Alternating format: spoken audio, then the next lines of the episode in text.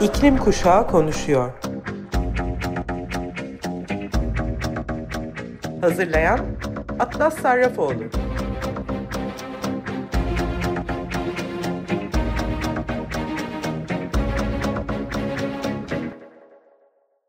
Hepinize merhaba Sayın Açık Radyo dinleyicileri. İklim Kuşağı Konuşuyor programına hepiniz hoş geldiniz. Ben Atlas Sarrafoğlu. Uluslararası Fridays for Future ekibi 15 Eylül 2023'te yapılacak olan küresel iklim grevi için açıklamasını duyurdu. Size metnin tamamını okumak istiyorum programımın başında. Bu kez tema fosil yakıtlara son verilmesi. Fosil yakıtlar çağını bitirmeliyiz. Bilim insanları yıllardır fosil yakıt bağımlılığının korkunç sonuçları konusunda bizi uyardı. Ve etkilenen topluluklar bunun feci etkilerine tanıklık ettiler. Yine de bir kenara itildiler. En zengin uluslarımızın lideri sera gazı emisyonlarını azaltmayı başaramadı ve en ayrıcalıklı %1 ultra yaşamlarına devam ederken en savunmasız olanlar kendi yaratmadıkları bir krizin ön saflarında kalmaya devam ediyorlar. Zaten marjinal ve dezavantajlı topluluklar dirençleri gerilirken en kötü etkilerle karşı karşıya kalıyorlar. Fosil yakıt endüstrisi açgözlülük ve sömürüyle çalışıyor kendi ceplerini doldurmak için başkalarının hayatını feda ediyor. Kömür, petrol ve gaza olan bağlılığımız gezegenimize ve toplumumuza büyük zarar veriyor. Ve en büyük zararı en çok etkilenen kişiler ve bölgeler. MAPA, Most Affected People and Places alıyor. Fosil yakıt endüstrisi katlanarak daha fazla nakite çevirirken sübvansiyonlar, yatırımlar ve ödemeler için milyarlarca dolar talep ediyor. Fosil yakıtlar çağını sadece gezegenimiz ve hayatta kalabilmemiz için değil, aynı zamanda yeni sömürgeciliğin zincirlerinden kurtulmak için de sonlandırmalıyız. Fosil yakıt çıkarma bir sömürü hakimiyet döngüsünü sürdürür. Shell, BP, ExxonMobil, Total Energies, Chevron, Pemex, Petronas, BHP, Rio Tinto, Shenhua gibi çok uluslu ve ulusal şirketler ve hatta RWE, Siemens, Iberdrola gibi çevreci şirketler ve hükümetler, zengin bireyler, bankalar ve finans kuruluşları tarafından desteklenen çok daha fazlası kurumlar yozlaşmış siyasi elitlerin çıkarları için insanları ve çevreyi sömürerek kırsal, periferik ve savunmasız topraklara saldırır. Yüksek sesle konuşanların, ekosistemlerin, toplumların ve gezegenin yaşam hatlarının feci yıkımına tanık olanların sesini susturmak sadece küçük bir azınlığın ekonomik kazancı için pek çok kişinin pahasına. Ortaya çıkan çevresel bozulma bir sömürü ve sömürgecilik sistemini yoğunlaştırarak ve sürdürerek ve doğayı savunmak için mücadele edenleri suçlu durumuna düşürerek iklim değişikliğine karşı savunmasız e, halinde, savunmasızlığı halinde şiddetlendiriyor. Ama buna rağmen halk ayağa kalkıyor. Fosil yakıt endüstrisine karşı savaşıyoruz. Yeni boru hatlarının genişlemesini ve pek çok cana mal olan maden çıkarma uygulamalarının yaygınlaştırılmasına direniyoruz. Yeşil kapitalizmin desteklediği yanlış çözümlerle karşı karşıyayız. İşlerin her zamanki gibi devam etmesine meydan okuyoruz. Fosil yakıtlar çağını bitirmek için mücadele ediyoruz. 15 Eylül 2023'te yapacağımız küresel iklim grevi için şunları talep ediyoruz. Yeni ve mevcut fosil yakıt projelerini elden çıkararak fosil finansına bir son verilmesi. Tüm fosil yakıtlardan hızlı, adil ve eşitlikçi bir şekilde aşamalı olarak çıkılması sorumlulukların ve kazançların farklı paydaşlar arasında özellikle tarihsel olarak ötekileştirilmiş ve savunmasız topluluklara özen göstererek adil bir şekilde yeniden dağıtılmasının sağlanması. Yurttaş toplulukların enerji projelerine büyük yatırımlar yapılması. İklim krizinden ve yapısal nedenlerinden etkilenen topluluklara verilen zararların tazmini ve ayrıca fona ödeme yapan e, tarihsel kirleticilere özel vurgu yaparak kayıp ve zarar fonunun uygulanması. İklim krizi kapımızda değil, ön kapımızda çalmıyor zaten evimizin içinde. Ancak daha yapılacak çok şey var. Çünkü bizi bir buçuk derecenin altında tutacak bir derecenin her kesiri, onarılabilecek her ekosistem, savunulabilecek her yaşam ve bu nedenle kolektif olarak özgürleşme yolunda atılabilecek her adım önemlidir. 15 Eylül'de örgütlenelim. Sınırların, ayrımların ötesinde hep birlikte sesimizi yükseltelim. birlikte gezegenimizi ve onun tüm insanlarını onurlandıran ve sonraki nesiller için güvenli bir dünya sağlayan geleceği şekillendirebiliriz.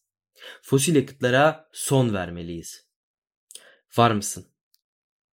Evet, Uluslararası Fridays for Future ekibinin 15 Eylül küresel iklim grevi için hazırladığı açıklama bu şekilde. Sebepleri aslında çok açık. Temmuz ayında son e, günlerde Birleşmiş Milletler Genel Sekreteri Antonio Guterres dünyanın artık ısınma çağında değil kaynama çağında olduğunu söyledi. Avustralya'daki rekor yağışlar Hindistan ve Pakistan'daki sıcak hava dalgaları ve Alplerde bir buzulun çökmesi gibi sıra dışı e, bir dizi olağanüstü olayın damgasını vurduğu 2022 gezegen geneline farkındalığın artmasına da yardımcı oldu. Yani şimdi 20, 2023 yılında California Death Valley'de sıcaklık 56 dereceye yükseldi.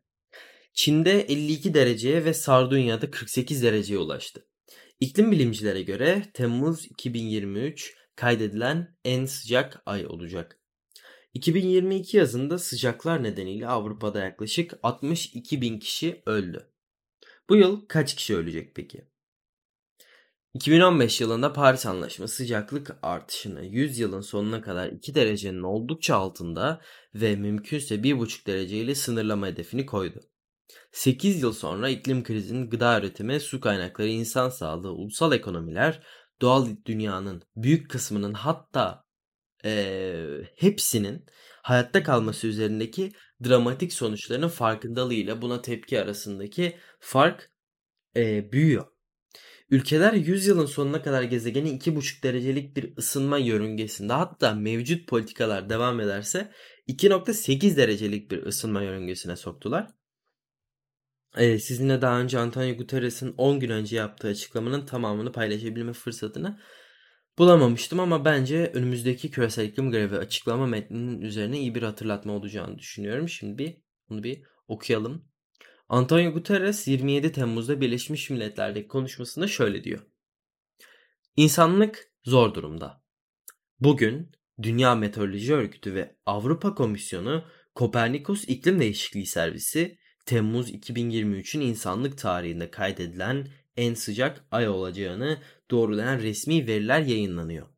Bunu öğrenmek için ayın sonunu beklememize gerek yok. Önümüzdeki günlerde mini bir buzul çağı yaşanmazsa Temmuz 2023 tüm rekorları alt üst edecek. Bugün açıklanan verilere göre Temmuz şimdiye kadar kaydedilen en sıcak 3 haftalık dönemi gördü. Kayıtlarındaki en sıcak 3 gün bu yılın bu zamanı için şimdiye kadarki en yüksek okyanus sıcaklıkları. Sonuçlar açık ve trajik. Muson yağmurlarına kapılan çocuklar, alevlerden kaçan aileler, yakıcı sıcakta düşüp bayılan çalışanlar. Kuzey Amerika, Asya, Afrika, Avrupa'nın büyük bölgeleri için acımasız bir yaz yaşanıyor. Tüm dünya için bir felaket. Ve bilim insanları için kesin olan şey bu konuda insanların suçlu olduğudur. Bütün bunlar tamamen tahminlerle ve tekrarlanan uyarılarla tutarlıdır. Tek sürpriz olan değişimin hızı. İklim değişikliği burada. Bu korkunç. Ve bu sadece başlangıç. Küresel ısınma çağı sona erdi. Küresel kaynama çağı geldi. Hava solunamaz halde.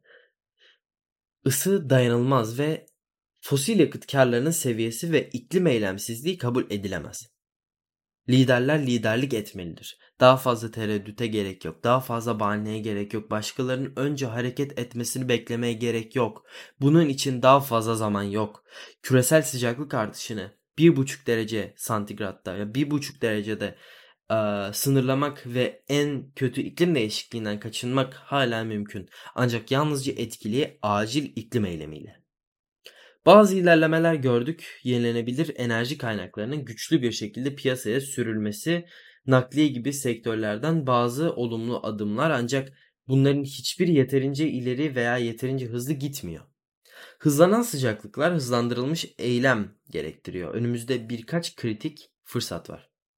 Afrika İklim Zirvesi, G20 Zirvesi, Birleşmiş Milletler İklim Zirvesi, COP28 ancak liderler ve özellikle küresel emisyonların %80'inden sorumlu olan G20 ülkeleri iklim eylemi ve iklim adaleti için adım atmalı. Bu pratikte ne anlama geliyor? Birincisi emisyonlar. G20 ülkelerinden iddialı yeni ulusal emisyon azaltma hedeflerine ihtiyacımız var. Ve tüm ülkelerin iklim dayanışma paktı ve hızlandırma gündemim doğrultusunda e, harekete geçmesine ihtiyacımız var. Gelişmiş ülkelerin 2040'a mümkün olduğu kadar yakın bir zamanda net sıfır emisyonuna ve gelişmiş ülkelerin desteğiyle birlikte gelişmekte olan ülkelerin e, ekonomilerinin 2050'ye kadar mümkün olduğunca yakın bir şekilde net sıfır emisyonuna ulaşma taahhüdünde bulunmaları için hızla ilerlemeleri gerekiyor. Petrol ve doğal gaz genişlemesini ve yeni kömür, petrol ve gaz için finansman ve lisanslamayı durdururken tüm aktörler fosil yakıtlardan yenilenebilir enerjiye adil ve eşitlikçi bir geçişi hızlandırmak için bir araya gelmelidir. OECD ülkeleri için 2030'a kadar ve dünyanın geri kalanı için 2040'a kadar kömürden çıkmak için güvenilir planlar da sunulmalı. İddialı yenilenebilir enerji hedefleri 1,5 derece ile sınırlı e, olmalıdır, sınırı ile uyumlu olmalıdır. Ve dünyadaki herkese uygun fiyatlı elektrik sağlamak için çalışırken gelişmiş ülkelerde 2035'e kadar e, ve diğerlerine e, ve diğerlerinde de 2040'a kadar net sıfır elektriğe ulaşmalıyız. Ayrıca hükümetlerin ötesinde liderlerin eylemine ihtiyacımız var.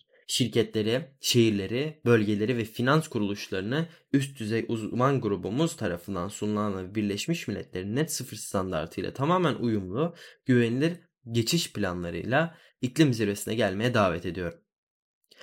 Finans kurumları fosil yakıt kredilerini, taahhütlerini ve yatırımlarını sonlandırmalı ve bunun yerine yenilenebilir enerji kaynaklarına geçmelidir. Ve fosil yakıt şirketleri tüm değer zinciri boyunca ayrıntılı geçiş planları ile temiz enerjiye doğru hareketlerini planlamalıdır. Artık yeşil yıkama yok. Artık aldatma yok. Ve artık net sıfır ortaklarını sabote etmek için tekelcilik karşıtı yasaları kötüye kullanmak yok. İkincisi de adaptasyon. Aşırı hava koşulları yeni normal haline geliyor.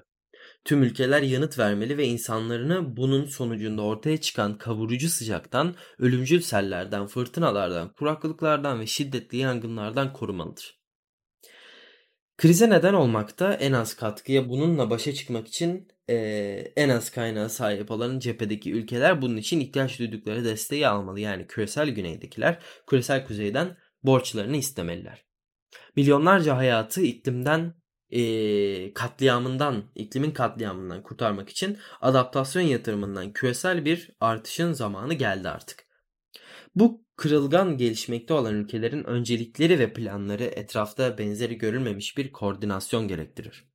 Gelişmiş ülkeler tüm iklim finansmanının en az yarısından uyuma ayırmaya yönelik ilk adım olarak 2025 yılına kadar uyum finansmanını ikiye katlamak için açık ve güvenilir bir yol haritası sunulmalıdır.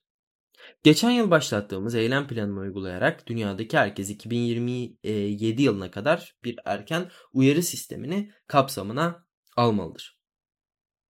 Ve bu ülkeler uyum konusunda uluslararası eylem ve desteği harekete geçirmek için bir dizi küresel hedefi göz önünde bulundurmalıdır. Bu hızlandırılmış eylem için üçüncü alana yani finansa bakmalıyız. Uluslararası iklim finansmanı konusunda verilen sözler tutulmalı. Gelişmiş ülkeler gelişmekte olan ülkelere iklim desteği için yılda 100 milyar dolar sağlama ve yeşil iklim fonunu tamamen yenileme taahhüdünde yerine getirmelidir. Şimdiye kadar sadece G7 ülkesinin e, iki tane G7 ülkesinin Kanada ve Almanya olmak üzere e, yenileme taahhütlerinde bulunmasından endişe duyuyorum.